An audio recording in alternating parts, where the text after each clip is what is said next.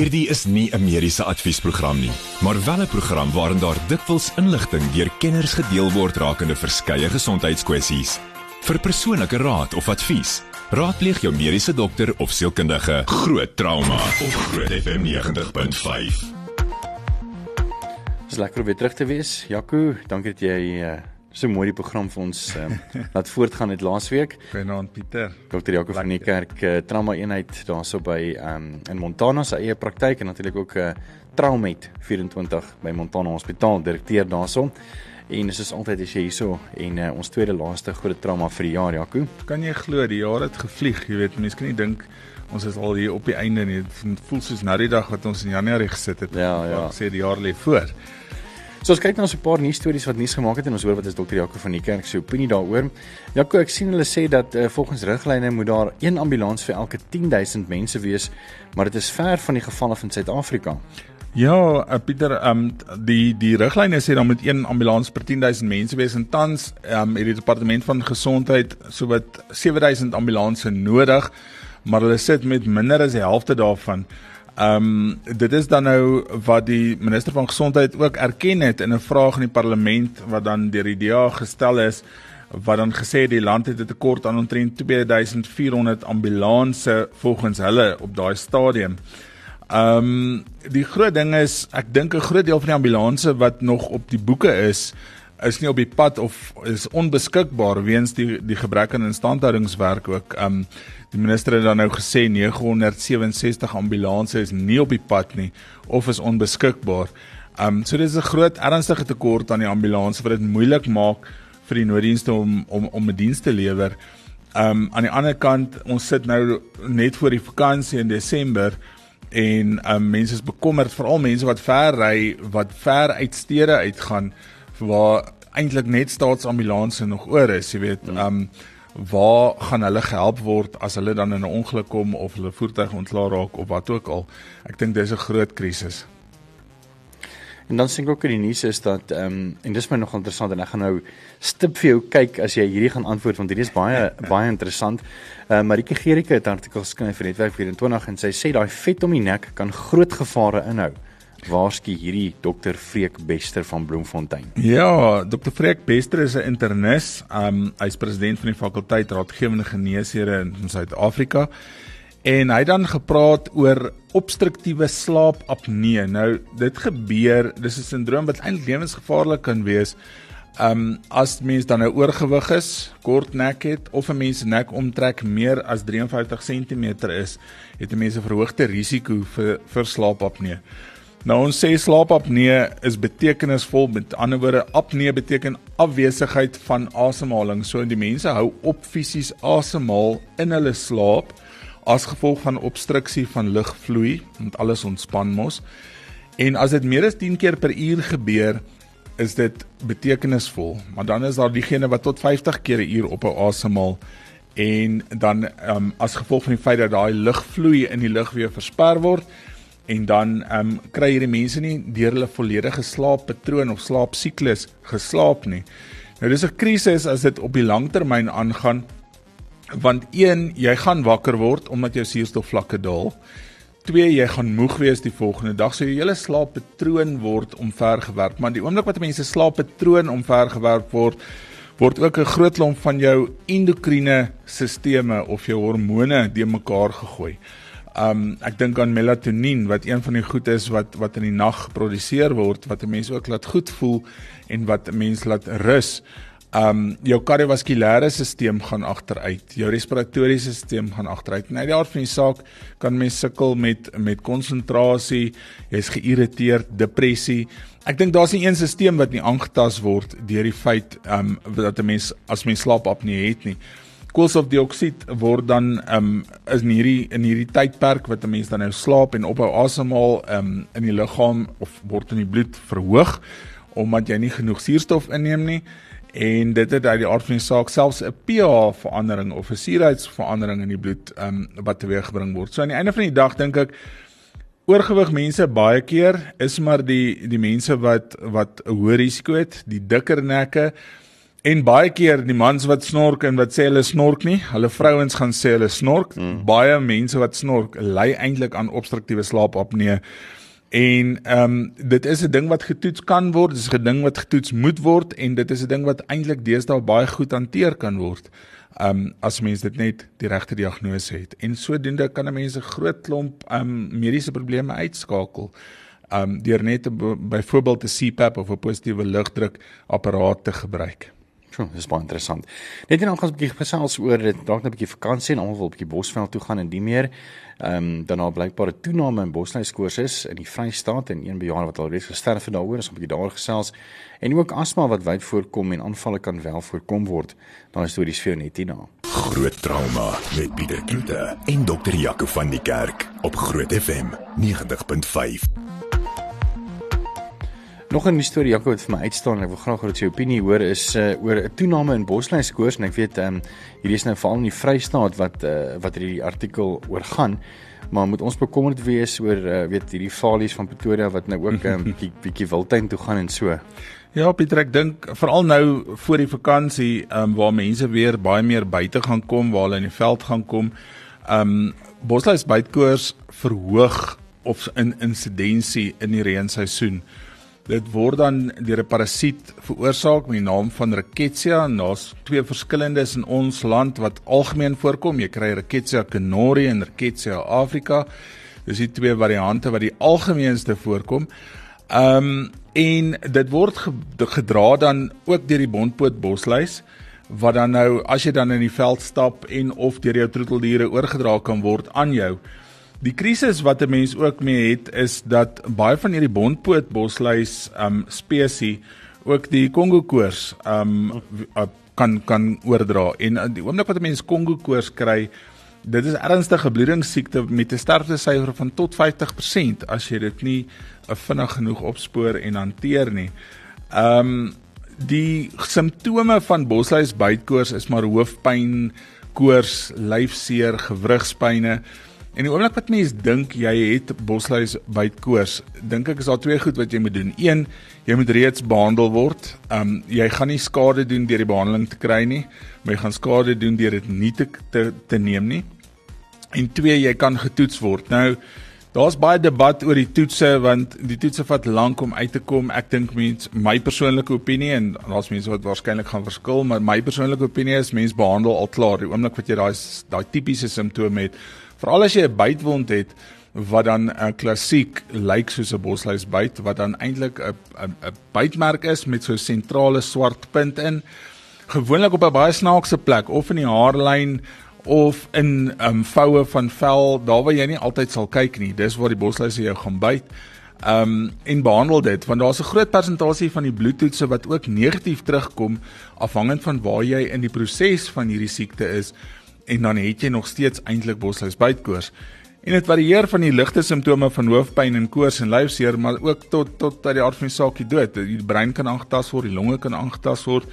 Ehm um, en dis waar die groot storie in die Vrystaat dan nou vandaan kom waar daar 'n bejaarde persoon oorlede is as gevolg van bosluisbytkoors. Ehm um, ek dink die behandeling is so effektief dat ehm um, dit eintlik regtig sleg is om te hoor dat mense nog steeds doodgaan daarvan. Ehm um, ek dink 'n mens kan profylakties of voorkomend selfs as jy net dink jy het dit ehm um, dit sommer behandel ook. Uh, is dit waar dat hulle sê as as jy nou enetjie kry op jou dan dan moet jy hom nie aftrek nie want sy kop bly oor en dan dan is dit nou tickets met jou. Nee, ek dink daai is een van daai stories, een van daai mite stories van die lewe. so niks sal gebeur as sy kop afbreek en nee, nog steeds daar vas lê. Hy gaan mos almal doodgaan. Nou ja, toe daai het jy dit ook sommer jou mite, maar Jaco het nog ons ander mite ook so 'n bietjie later bly geskakel daarvoor. Jaco, asma kom wyd voor en ons weet dit nou, ons het nou al 'n paar keer oor gesels oor die afgelope paar jaar. En uh, prof Andre van die kerk lyk my hy's 'n kinderpulmonoloog ehm um, wat in die afgelope 23 jaar met kinders met asma behandel, sê dat akute asma aanvalle is wel voorkombaar. Stem jy saam? Ja, ek definitief. Ehm um, Ek dink asma is een van die mees algemene siektes by kinders en jong kinders. Ehm um, en dis hoekom daar kinderpulmonoloë is. Jy weet, ek dink daar's meer kinderpulmonoloë of um, uh, pediaters wat wat spesifiek met met longe werk en asma kinders as wat daar volwassenes is. Ehm um, daar's hoë sterftesyfers in akute asma aanvalle en ek dink asma het twee komponente. Dit het 'n inflammasie komponent en dit het 'n bronkospasma of 'n 'n lugweg toetrek komponent. Ehm um, mense sien baie keer asma ook in kinders wat allergies is of in mense wat allergies is vir uh, grassade en vir vir stof. Ehm um, maar ons sien dit ook nou met die met die reenseisoen, die hoë humiditeit, ehm um, die temperatuurskommelinge waar mense in die hospitaal inkom benoud waar die longe toegetrek is, ehm um, suurstofvlakke laag is, angstigheid. Ehm um, en dit is voorkombaar as 'n mens dan jou kroniese medikasie gebruik vir vir asma um om dan te voorkom dat 'n mens hierdie hierdie erge aanvalle het. Um 'n erge asma aanval is regtig waar baie keer baie moeilik om te behandel en baie moeilik om daai longe se lug weer weer te ontspan sodat 'n mens dan 'n ordentlike um beligting van die long kan kry. So ons gebruik dan in die akute akute fase of in die ongevalle sal 'n mens kortison gebruik. Jy sal um inhalasies gebruik ook met kortison en dan wat ons praat van beta-2 stimulante of wat die wat die wat die lug weer oopmaak. Um die nadeel daarvan uit die aard van die saak is die neeweffekte wat baie mense ook angstig maak want 'n beta-2 stimulant gaan vir jou hartklopings gee. Um so baie mense gebruik hulle akute pompies, daai blou pompie wat almal wat al ooit asma gehad het baie bekend mee is. En as hulle begin benoud raak, dan suig hulle aan hierdie pompie wat dan hulle is klaar benoud en angstig, so hulle gebruik die ding reg nie. En dan sal hulle sommer 3 of 4 keer hierdie pompie gebruik. En al wat dan gebeur is hulle is meer angstig, half vinniger of probeer vinniger asemhaal. En eintlik is daar lug wat die Engelse woord getrap word in die in die in die lug weer. Want jy kan ingeasem kry maar jy asem teen weerstand uit. En dis waar die wheezing of die fluit vandaan kom. Ehm um, so ek dink definitief as jy as jy ehm um, jou kroniese goed goed gebruik dan kan jy hardloop en jy kan oefen en speel en jy kan emosie um, ervaar in terme van jy kan skreeu en in in in rondhardloop buite en dit gaan nie so groot krisis wees nie as wat dit is as jy nie jou um pompies en jou medikasie gebruik nie. Net en ongelukkig 'n bietjie gesels oor wêreld uh vigsdag wat die 1 Desember was en dit lyk vir my daar's goeie nuus van HIV infeksies wat uh infeksies wat natuurlik aanneem in die Oos-Kaap. Onthou ook vir dokter Jaco van die kerk uh se vrae vir Jaco so 'n bietjie later. As jy enige mediese vrae het, stuur gerus vir ons by 061 6104576 onthou standaard tariewe geld. Met die volgende program bo Groot FM 90.5 om jou as luisteraar met die nodige inligting oor 'n spesifieke onderwerp te voorsien. Alhoewel hierdie inligting dikwels deur 'n kenner op die gebied gedeel word, word jy aangemoedig om jou mediese dokter of sielkundige te besoek vir persoonlike advies of raad. Groot trauma op Groot FM 90.5.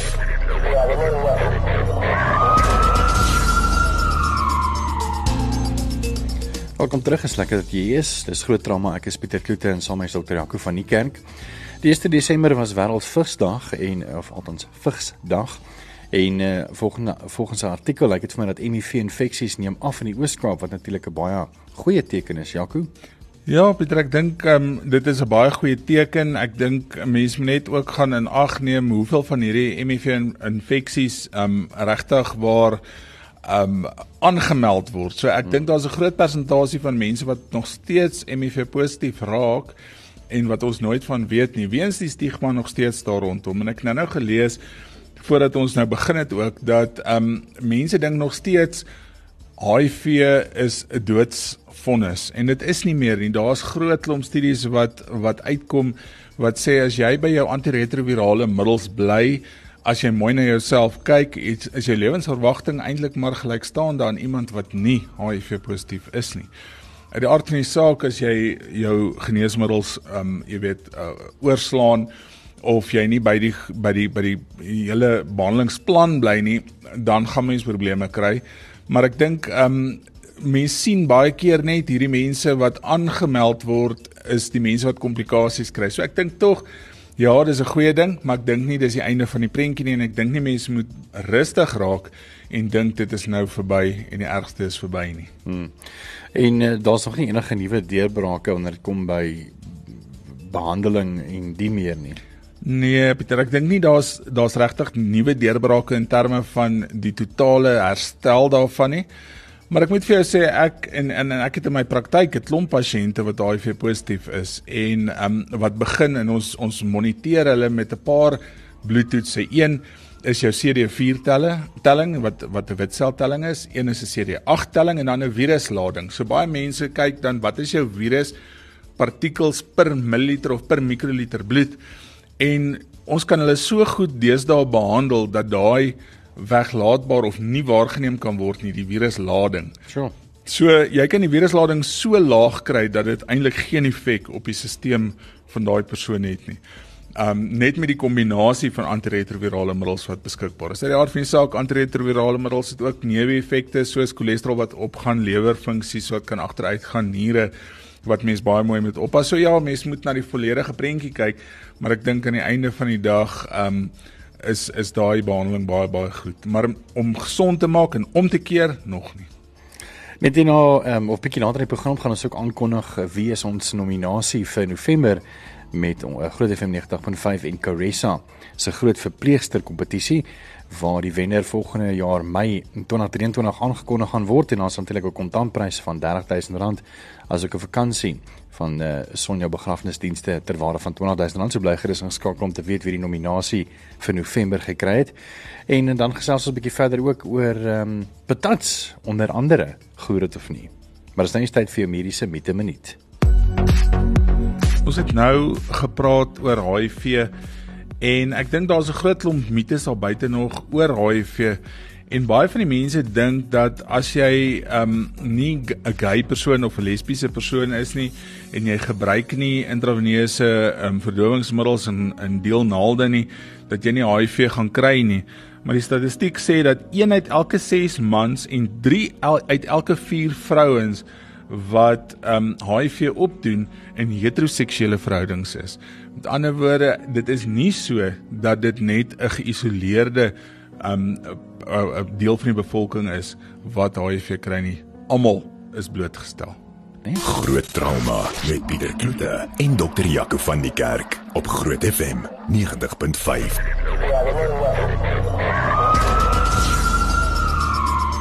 Ek's baie nuuskierig oor hoekom Jaco vanaand bietjie oor patats wil gesels want ek het hoekom vanaand eh, 'n uh, patat saam met my vleisie geëet. Jaco, so sê vir my wat het ek reg gedoen vanaand?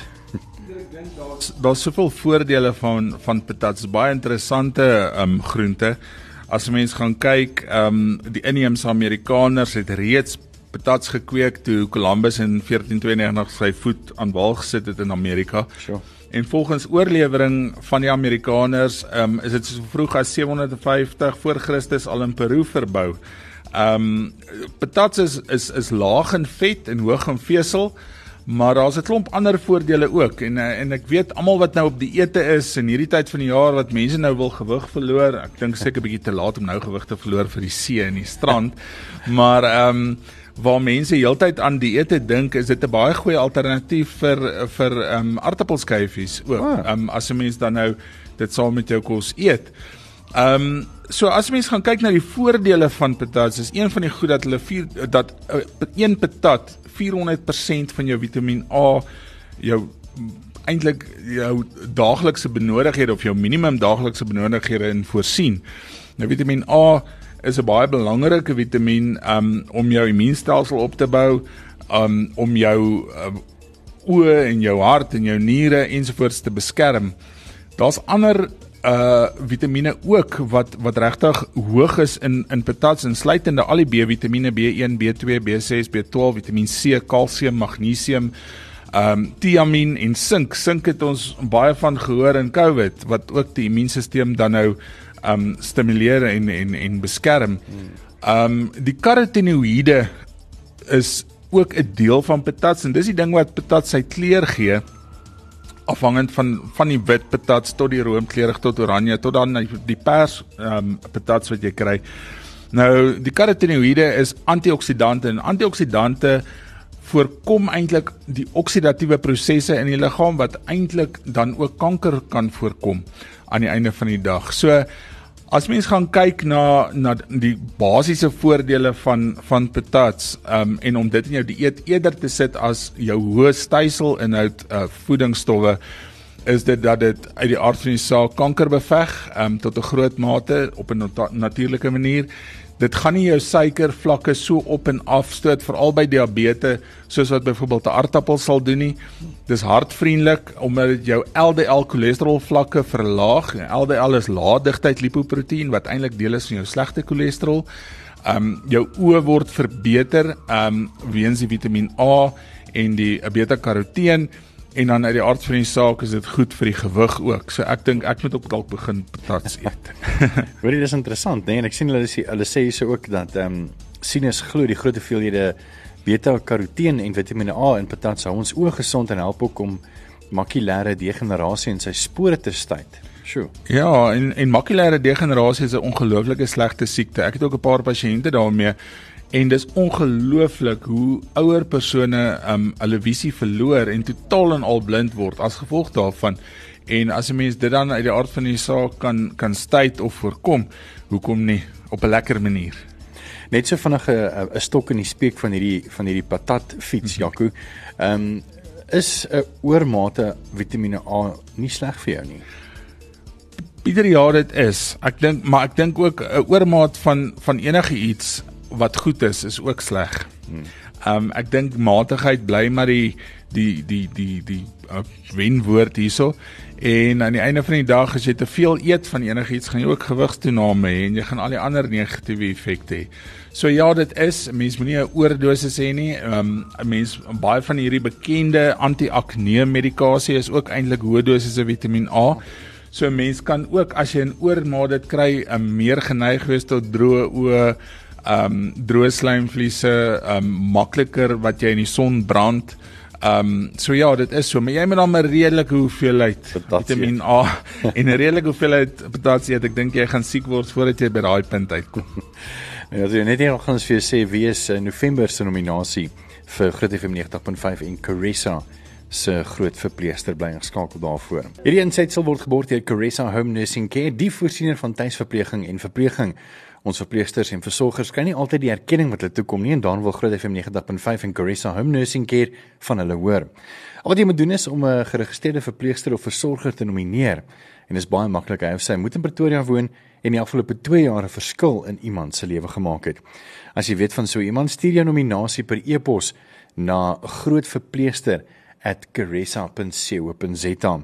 Dis grootverpleegster@carissa.co.za. Dis care SSA en uh, dit is hoe jy dit spel want dit is 'n keer by Vanessa se verkorting caressa.co.za met jou motivering oor hoekom jy hierdie persoon nomineer en hy of sy staan 'n kans om 'n maandelikse finalis te word wat ons nou binnekort November sin gaan aankondig en dan uiteindelik in Mei 2023 moontlik kan wegstap met 'n R30000 kontantprys van Caressa en R20000 se vakansie van Sonja Smit begrafnisdienste besenfeesgeld. Sedert 2004 is die verpleegkundiges Gerry en Vanessa Skeepers se fokus die tuisverpleging van pasiënte en bejaardes. Indien jy verkies om tuis aan te sterk na hospitalisasie, sal Care by Vanessa jou tuisverpleging met sorg bestuur. Skakel Care by Vanessa by 012 947 9799 Besoek ons op Facebook of by caressa.co.za.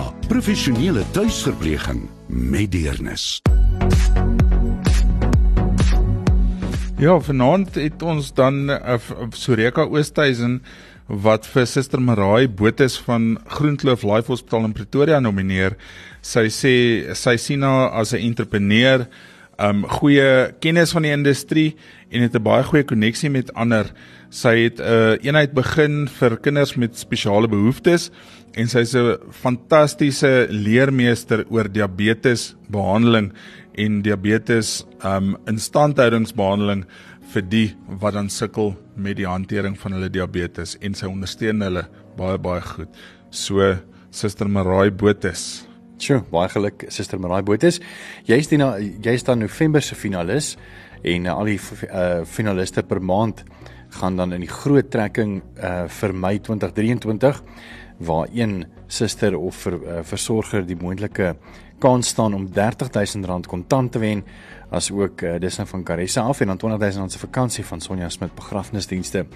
So onthou as jy graag iemand wil nomineer wat 'n geregistreerde verpleegster of versorger is wat jy weet weet um, in die afgelope 2 jaar uh, jou gehelp het met iemand in jou familie miskien na te kyk en die meer en uh, hy of sy moet in Pretoria woon, ja, natuurlik afgelope 2 jaar 'n verskil in iemand se lewe gemaak het, kan jy daai persoon nomineer op die e-pos met jou nominasie grootverpleegster@caressa.co.za. Hierdie is nie 'n mediese adviesprogram nie, maar wel 'n program waarin daar dikwels inligting deur kenners gedeel word rakende verskeie gesondheidskwessies. Vir persoonlike raad of advies, raadpleeg jou mediese dokter of sielkundige. Groot trauma met Pieter Kloete en dokter Jaco van die Kerk op Groot FM 90.5.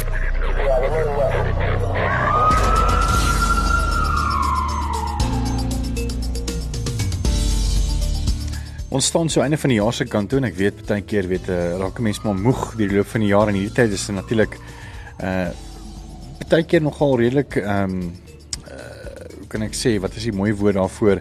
Dit is nie ehm um, uh, mense nie noodwendig weet uh, dit is nie abnormaal om te sien dat mense byvoorbeeld uitbrand uh of kort imerig is en en die mene Jaco ehm um, wat sou jy sê oor hierdie tyd van die jaar met hierdie gevoel wat 'n mens het van weet amper half uitbranding en jy kan net nie wag vir jou vir jou vakansie nie. Jy weet moet jy nou veg of moet jy vlug met jou kollega? Wat is die storie?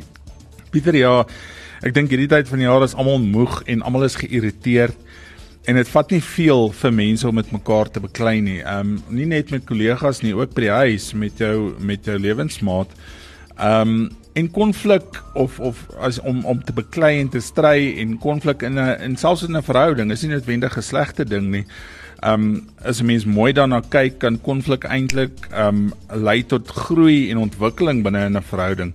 Nou as mens gaan kyk wat gebeur in 'n mens se liggaam of in 'n mens se brein terwyl 'n mens in 'n konfliksituasie is, as jy nou nie met iemand saamstem nie of jy ry hier in die straat en iemand ry voor jou in en jy's nou kwaad, mm -hmm dan kry jy jou inligting. Alle inligting kom deur jou sintuie, jou oog, jou oor, jou mond, jou hand, jou vel.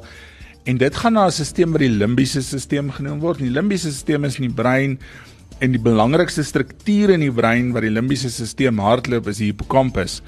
Nou die hippocampus um ontvang dan nou al hierdie sin of of hierdie inligting van jou sen, of sensoriese inligting van jou sintuie en dan besluit hy waantoe stuur hy hierdie inligting.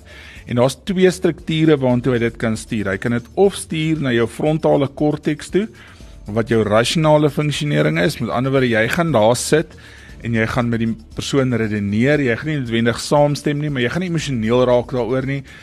En ek dink dit is 'n baie volwasse manier om dit te doen. Dit is nie altyd maklik nie, maar dit is die volwasse manier om dit te doen. En die ander struktuur waartoe hy dit kan stuur is die amygdala. Nou die amygdala is waar jou veg en vlug reaksie is. Met ander woorde, jy onthou goed wat in jou verlede gebeur het en jy besluit hoe jy uit hierdie situasie op 'n vinnige manier kan kom. Um dit jy dink aan oorlewing op daai stadium. Um so jy kyk is dit al bedreiging en is daar bedreiging as jy gereed om onmiddellik te reageer deur aan te veg of te vlug waar jou frontale korteks meer jou emosionele komponent is. En ek dink 'n mens kan uit die aard van die saak ook um leer om jouself te beheer deur meer na die frontale korteks kant toe te neig as om net ewe skielik instinktief op te tree. Ons almal weet konflik is 'n ding wat ons almal deurgaan gaan. Daar's niemand dink ek daar buite wat nie konflik beleef eers in hulle lewe nie so normale gedrag um, en deel van ons daaglikse verhoudings dit gaan weer en weer gebeur en ons moet leer om daarmee saam te leef en baie keer die situasies waarin jy in konflik kom is herhalend. En dis hoekom ek sê mense kan leer en aanpas daarbey hmm. en die konflik is oplosbaar as as jy reg gespeel as jy as jy as jy reg daarna kyk en jy speel die probleem en nie die persoon nie. Jy moet nie die persoon aanvat nie En ek dink as 'n mens daai beginsel ehm um, toepas, dan gaan jy regtig waar groei in jou verhouding hê. En ek dink jy hoef nie hierdie veggevlug reaksie uit te voer elke keer wat jou lewensmaat en of 'n um, huweliksmaat met jou ehm um, verskil van enigiets. En ek dink dit in huishoudings veral, veral hierdie tyd waar mense ook nie by die werk is nie, waar hulle op vakansie is, waar hulle baie in mekaar se teenwoordigheid gaan wees wat hulle dalk nie gewoond is aan nie. Dit is amper soos hier in lockdown gewees. Jy weet, ja. mense het mos gesê hulle het hulle vrou um weer leer ken. Dit is eintlik 'n nice mens baie keer, né? So um 'n mens moet eintlik aan die einde van die dag um dink ek daarna kyk as 'n mens dan in 'n konflik situasie is en jy stem nie noodwendig ooreen nie. Maar as jy gepraat het van hierdie tyd van die jaar, ek ek, ek weet nie ervaar jy ook dat mense wat baie alleen is, eerder weet ook ehm um, goeders fake om hospitaal toe te gaan net vir 'n bietjie aandag. Pieter, ja, dis ongelukkig, maar die die groot ding is ek dink daar's baie psigosomatiese goed. Mense voel alleen, mense voel um die jaar was swaar, hulle kry hulle ek wil nie sê hulle kry hulle self jammer nie, is 'n baie lelike manier om dit te sê, maar hulle kry fisiese simptome as gevolg van psigologiese oorsake.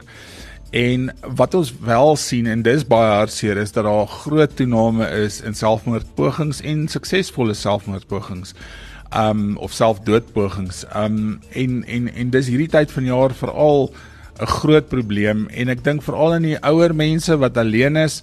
Um hulle sit baie keer ek het, ek ek gaan hierdie jaar waarskynlik nou Kersdag werk en um ek sê altyd hulle kom en sit in ongevalle eintlik baie keer net vir geselskap en ek dink dis 'n baie hartseer ding.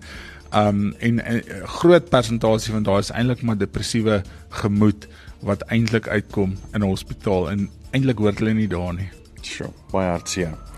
Dis net uit vir vrae vir Jaco. Met die volgende program bo Groot FM 90.5 om jou as luisteraar met die nodige inligting oor 'n spesifieke onderwerp te voorsien. Alhoewel hierdie inligting dikwels deur 'n kenner op die gebied gedeel word, word jy aangemoedig om jou mediese dokter of sielkundige te besoek vir persoonlike advies of raad.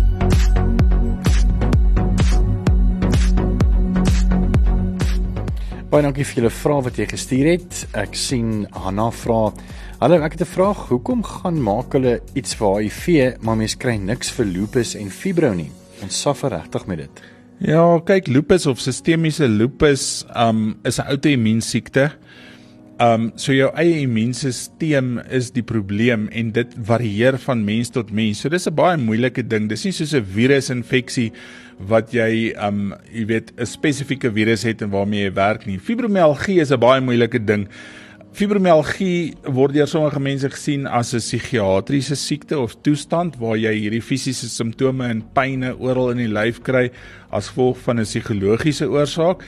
En ander mense sê hulle weet nog nie waar dit vandaan kom nie. Ehm um, daar's mense wat sê dit bestaan nie en dan's daar mense wat sê dit is baie ernstige probleem.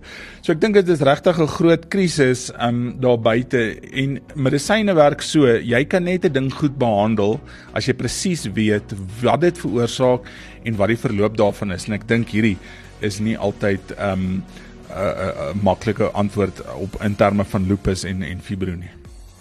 Dan vra iemand hierso ek wil graag weet as jy pyn in jou linkerbors het en uh op op en op 'n ander manier lê as op jou rug, uh kan dit wees oor slaap en jy slaap baie sleg en word wakker met daai pyn kan ook nie diep asemhaal nie.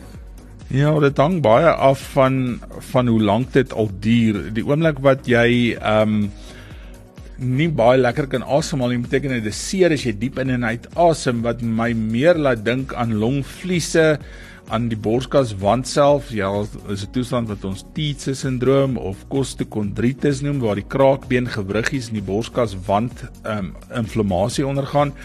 Jy kan pleuritis hê waar die inflammasie van die longvliese is en dit is gewoonlik geassosieer met die ehm um, moeilike jy weet erger pyn met diep asemhaling en beweging. Maar aan die einde van die dag is daar 'n klomp bloedondersoeke en ekstrale wat gedoen moet word om te onderskei tussen die verskillende oorsake. Iemand wat anoniem wil bly sê ek drink ehm um, ek het insomnia en drink al 'n paar jare pilletjie om te slaap. Uit die aard van die saak het dit nie meer help dit nie meer regtig nie want mense raak seker net maar gewoond daaraan. -hmm. Ek slaap amper niks en voel soos 'n zombie. Hoe gevaarlik is dit en moet ek bekommerd wees? Ek dink nommer 1, ja, jy moet bekommerd wees. Ek dink 2, ehm um, ek dink dit werk nie meer nie as 'n mens al 'n langtermyn op jou slaappilletjie is, dan begin mens toleransie opbou. En die oomblik wat jy toleransie opbou, beteken dit nie noodwendig jy's afhanklik of verslaaf daarin nie. Dit beteken net daai pilletjie werk nie meer vir jou nie. So jy moet later 2 en 3 en 4 drink en aan die einde van die dag is daar 'n rede hoekom die boek sê ons moet net een drink, want meer as dit gaan vir jou op 'n stadium neeweffekte gee. Hmm. So ja, dit is 'n groot krisis en die oomblik wat 'n mens nie deur 'n volslaappatroon van rem en non-rem slaap gaan nie, dan gaan jy 'n totale metaboliese um versteurings kry in terme dieselfde wat ons nou-nou gepraat het oor die oor die slaapapnee. Hmm. As jy kort kort wakker is of jy sukkel om geslaap te kry en jy kry nie volledige rus nie, dan gaan jy metaboliese probleme kry. Jy gaan sukkel met tipe 2 diabetes, jy gaan sukkel met hartsiekte, jy gaan sukkel met ehm um, met uh, oorgewig. Jy gaan sukkel met 'n klomp goed. Jy gaan ook sukkel by die werk want jy gaan nie kan konsentreer nie. So aan die einde van die dag gaan daar is is dit 'n baie moeilike pro probleem. Jy moet gaan probeer die oorsaak soek van hoekom jy nie kan slaap nie. En daar is spesialiste ehm um, ek weet daar self slaapklinieke wat net werk met hierdie hierdie probleem, maar die antwoord bly nie net noodwendig geslaapelletjie nie. Ronel vra, ehm um, wat is dit as jy aan die slaap raak in geselskap of wanneer jy net sit en jy's vreeslik oorgewig? Vra vir 'n vriend.